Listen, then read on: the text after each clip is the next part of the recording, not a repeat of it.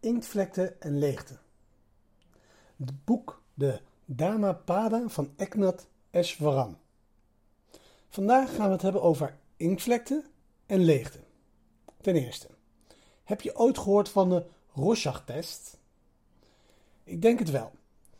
In feite kunnen psychologen een kijkje nemen in het bewustzijn van hun patiënten door hen te vragen om te beschrijven wat ze zien als ze naar een foto van een inktvlek kijken. Nu zit er wezenlijk niets in de inktvlek. Maar wat de patiënt zegt dat ze zien, vertelt ons veel over wat er in hun hoofd omgaat. Als we nu kijken naar de leegte.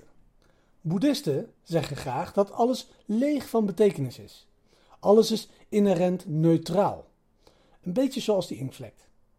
De betekenis die we aan een bepaalde lege neutrale ervaring geven, is vaak een onbewuste uitdrukking van hoe we de wereld zien. Dus als ik een beetje of echt negatief ben, zal ik een neutrale gebeurtenis negatief interpreteren. Terwijl als ik een positief persoon ben, ik diezelfde neutrale gebeurtenis op een krachtige manier zal interpreteren.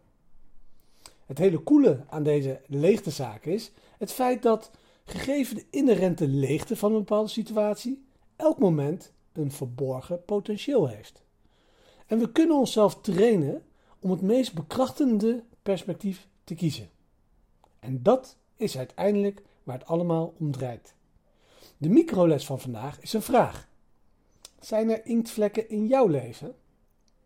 Laten we in die leegte staren en ervoor kiezen om de meest krachtige realiteit te zien. En onthoud, wat er gebeurt is neutraal. De betekenis die je eraan geeft zegt wat over jou. Wil je jezelf leren kennen? Kijk dan naar hoe je de gebeurtenissen in je leven waarneemt. Dat zegt altijd iets over jou.